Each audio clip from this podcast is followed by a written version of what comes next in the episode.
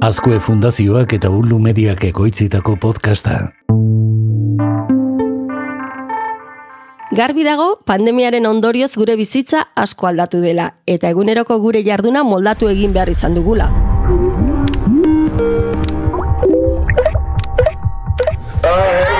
Prebentzio neurriak eta mugak barneratu behar izan ditugu, baina baita muga hoiek kontuan izanik ere, gure artean harremanetan jartzeko modu berriak garatu ditugu. Eta guztien artean, bat nagusiki, bideokonferentziak. It's just probably a glitch. Zahar alagazte, senideak agurtzeko alalan bileretarako, kuadrillarekin topa egiteko, eskola jasotzeko, Meet, Zoom, Jitsi, nork ez du jada noiz bait bada ere bideokonferentzia erabili.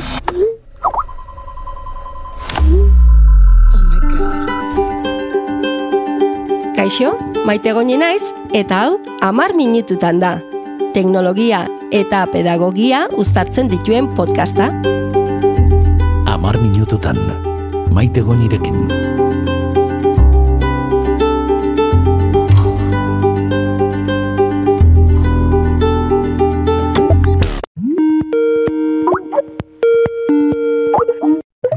Kaixo podcast entzule, ongi etorri beste amar minututan saio batera, eta kaixo zuri ere, oier, zer moduz? Primeran, baina egia esan behar dizut, zure azken galderari bueltak anabil, eta ni behintzat bideokonferentziak gehiegi eta guztiera ditut. Bai, bai, alaxe da, bai, ulertzen dizut, uste dut, denok hau abiltzala berdintxu, eh? nekea ere sortzen dute. Bai, bai, bai, bai. Nik uste hau guztia pasatzen denean, ez dugula jakingo lagunekin zurito bat nola hartzen zen, ez dugu oroituko. Aurrean pantalla bat espalin badago bintzat. Bueno, eh, espero dut, hainbesterako ez izatea, baino, bai, egia da, plataforma hauen etengabeko erabilerak neke handia sortzen duela. Badakizu izen bat duela honek, Zoom nekea deitzen diote. Eta gainea esan behar da, eta ikertuta dago, emakume hongan eragin handiagoa duela. Ara, eta hori zerratik? Itxuraz, arreta autoenfokatuagatik gertatzen omen da. Hau da, nork bere burua bideokonferentzian ikustearen ondorioz. Etengabe, etengabe hortxe, zure aurpegia ikustean. Ispilu batean bezala esan duzu, ez da? Bai, hori da, eta ba, badirudi emakumeok ispilu baten aurrean kontzentratzeko joera handiagoa dugula, eta horrek antxitatea eh, sortzen duela. Nik enekien hau, eh? egia esateko ikerketa batzua, batzuk atera dira oin dala gutxi. Edurne zuriren ama ordekoa bezala orduan? Bueno, bastakit, baina emakumeok kontzentratzeko joera egia esateko orokorrean ba, handiagoa omen daukagu, ez? Bueno, ba, ez gea horretan gehiagi geratuko, eta gozen ikustera ze berritasun dauden edo bideokonferentzia munduan.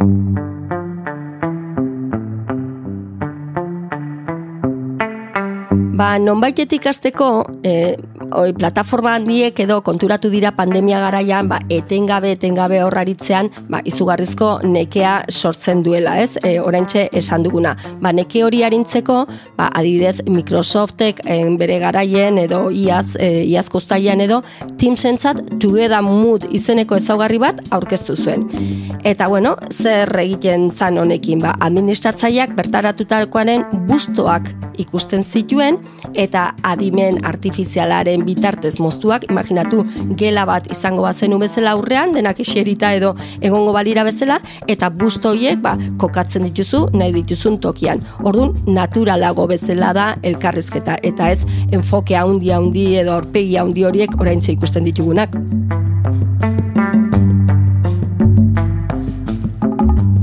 Hori lotuta dago burmuinarekin, ez? Ba, burmuina gehiago nekatze omen da, ez omen dalako naturalazu elkarrizketa batean zaudenean edo norbaitekin zaudenean ez tezu ikusten aurpegi hori haundi haundin edo fok hori, ez?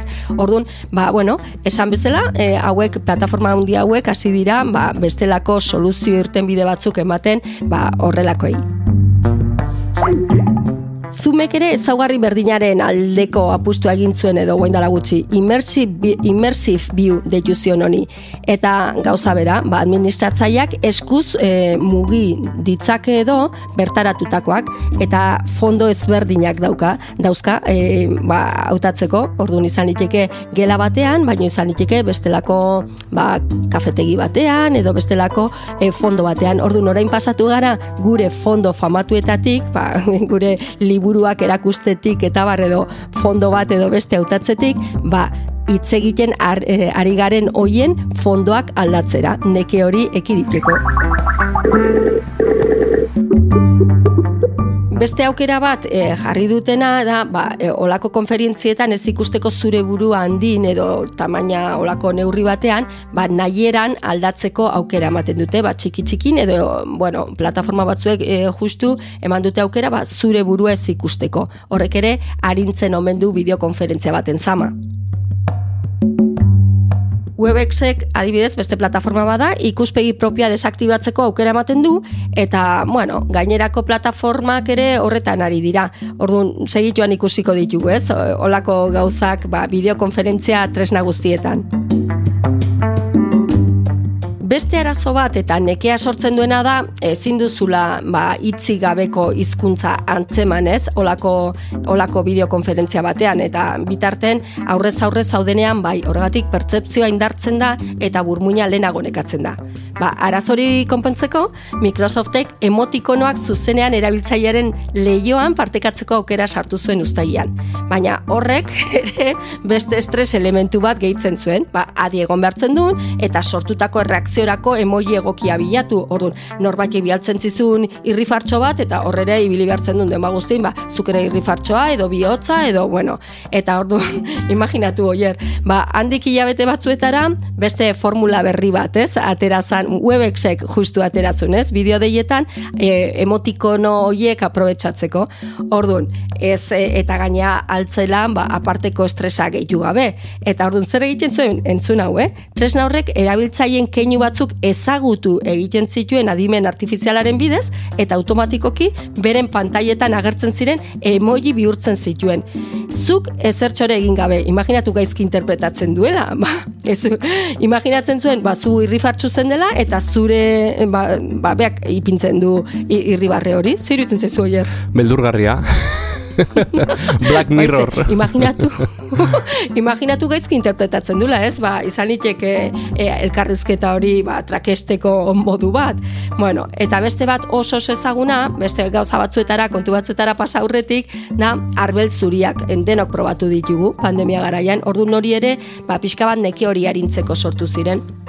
Orduan, denbora guztian egon beharrean, ba, zu eta hitz egiten eta beste hitz egiten eta horrela, ba, horrelako arbel zuriak ipini dituzte ia konferentzia enpresa guztiek, bideokonferentzia enpresa guztiek, eta orduan, e, daukezu aukara, aukera ematen du, ba, hitz egiten ari zaren bitartean, edo zuk zeuk ba, zerbait marrazteko, edo irudi bat igotzeko, edo beste artean kolaborazioan lankidetzan lan egiteko. Orduan, arbelak ere izan dira beste modu bat, arintzeko zoom delako zoom neke hori.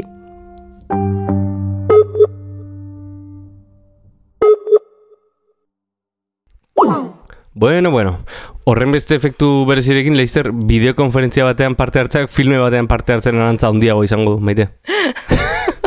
bueno, ez dakit, ez, eh, maten du ja, laster, eh, bideokonferentzia bat egiteko igual casting bat egin beharko dugula eta guzti. bueno, eh, bezala marrazki bizidunetako ere izan dezakego, eh? Zu heidi eta ni Paulo zeiritzen. Eh, ba ez pentsa, ba justu eh, pentsamendua irakurri diazu, ze horren inguruko zerbait eh, aipatu behar nizun, eh? Zergoaz, alpetara, alpetara. Ez, ez, ez, ez, ez, ez, bestela. Baina bideokonferentzietan datorren berritasunik handienak badu, ba, antza pixka bat, eh, animazioarekin. Bideo jokoekin zehatzago esateko. Ara, azaldu iguzu ba.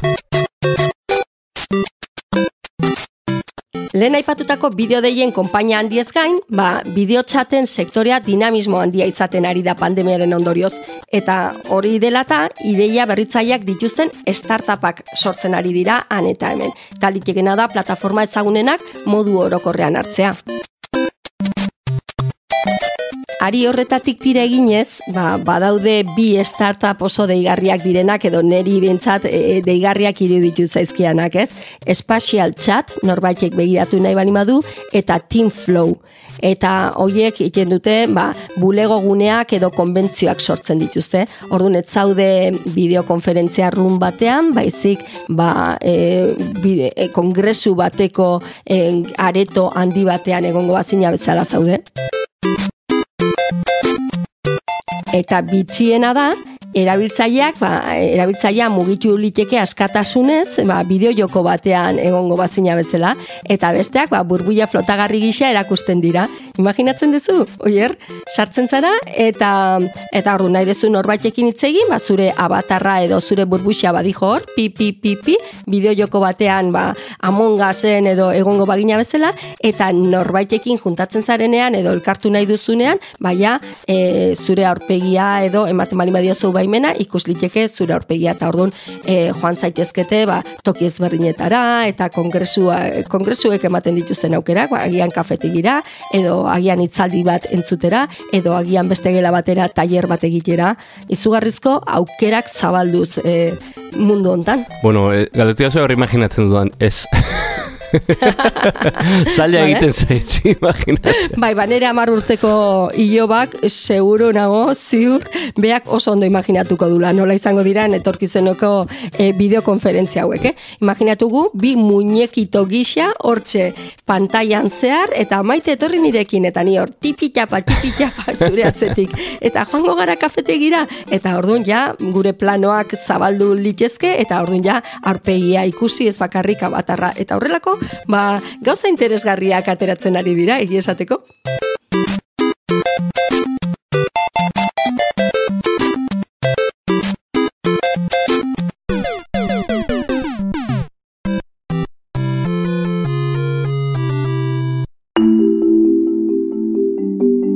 Hobeto azaltzeko. Ba, zirkulu horiek, ba, bide dei iraunkor bat izan dezakete, gainerako erabiltzaileei erakusten zaiena, edo bi erabiltzaile hurbiltzen direnean, eta bideotxat bati ekitearekin ados daudenean soilik aktibatzen dira. Ordun bestela zoaz, ba, muñekito bat izango zina bezala.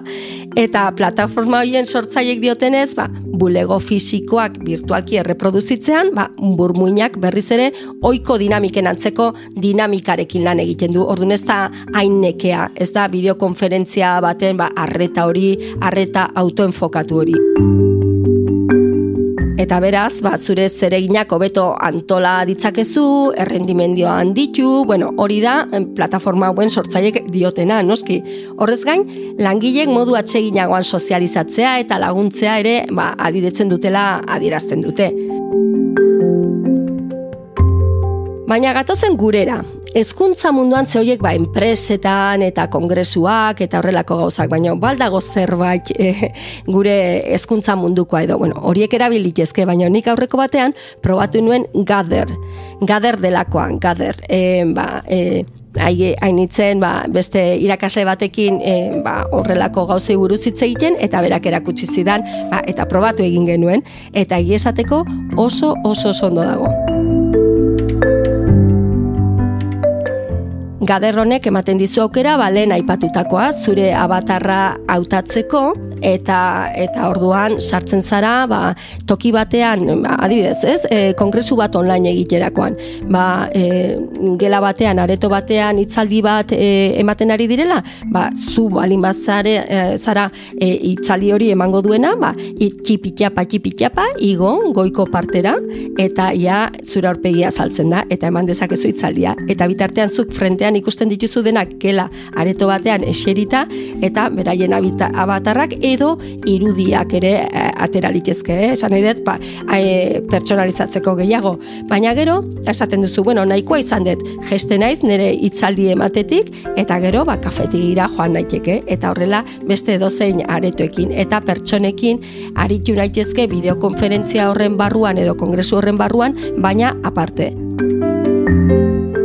Eta oso bitxia da baita, ba, galdetuta plataforma handi hauen ba, e, nagusiei eta bar, ba, nola imaginatzen dituzten etorkizuneko e, bideokonferentziak, ba, batek adibidez, e, imaginatzen du a, e, teknologiak emango du aukera adibidez, kafe usaina mm, e, e, hartzeko, eta orduan, ba, bueno, hortxe gaudela hementxe e, lanean, eta ba, usain horrekin, teknologiak emango duen e, aukera hori, edo e, izateko errealagoak egiteko, ba, ba beste, beste edozein bitxikeri, ez? Hori, kafe usainarena eta hori imaginatzen du Erik Joanek, eh? Zumeko sortzaileak, baina Teslako nagusiak, bakizu, kotxea, gidaririk gabeko kotxea ensaiatzen ari den hori, ba, e, e, imaginatzen du, ba, bideokonferentziak lasai asko egin ahal izango direla, ba, e, nola ez duagu ez degun gidatuko, eta denakotxea bakarrik autonomoan joango den, ba, guk bideokonferentziak egiteko aprobetsatu ahal izango du. Bueno, bakoitzak bere aldera egiten du, imaginatzen duzu, ez? eta beste, e, beste batek ere esaten zuen, e, ba, holograma modura e, imaginatzen ditula, ba, beste aldean daudenak, ba, elkarrizketa deitze egiten ari zaren hoiek, ba, kizu zer dien hologramak ez da hoier, ba, pertsonak izango balie bezala guain musika munduan eta erabiltzen ari dira berpisteko jendea, ez, hor tokian, eta pertsona erreala izango aliz bezala iruden ikusten da. Ba, hori ere, ba, bideokonferentzitan laster ikusiko mendugu.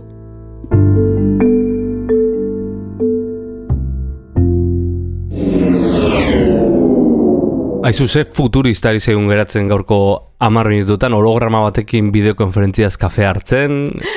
Bai, bai, egi esan, bueno, baino goxioa, eh, bintzaten, eh, usaina etorri zait. Bai, bai. Baina, bueno, iragarpen horiek iritsa aurretik nahiko lan konpontzearekin orentxe gertatzen ari zaizkigunak bideokonferentzietan. Ba, konexio arazoak, e, izosteak. Ez, ez, ez, okerrago, mikrofonoa irekita ustea, e, oi hartzunak entzutea, norbaiki, bueno, komunea jun eta badakizu, bai. ez, e, olako baten gertatu zan, ez, ba, bere e, mugikorrarekin jun eta dena kantxe ikusten ari zirela, bueno, imagina Bai, bai, bai, bueno. Haze, haze panorama. Edo atzetik hostailu bat astinduz garrasika pasatzen den nire alaba txikia. hori, baina hori ez da arazo bat, oier, hori polita da. Hori polita da, hori zen berko dut, bai, bai, bai. bueno, ba. Ai, bideokonferentziak, bideokonferentzia entzule maite, ezaztu garrantzitsuena ezur mamizko pertsonekin egon, zaindu eta gozatzea dela, eta aldela, aurrez aurre.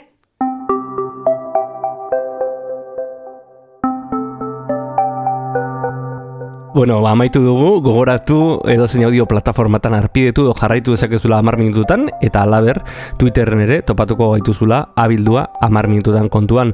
Besterik ez ez da maite? Horixe, nik uste den den esan dugula. Urrengoan, ba, beste gai beren batekin etorriko gea. Agur, agur. Agur, agur.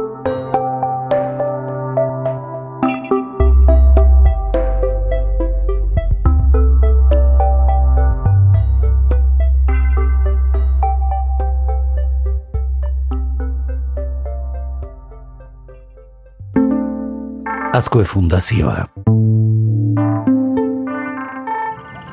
Ey, Entzunori. Ulu Media.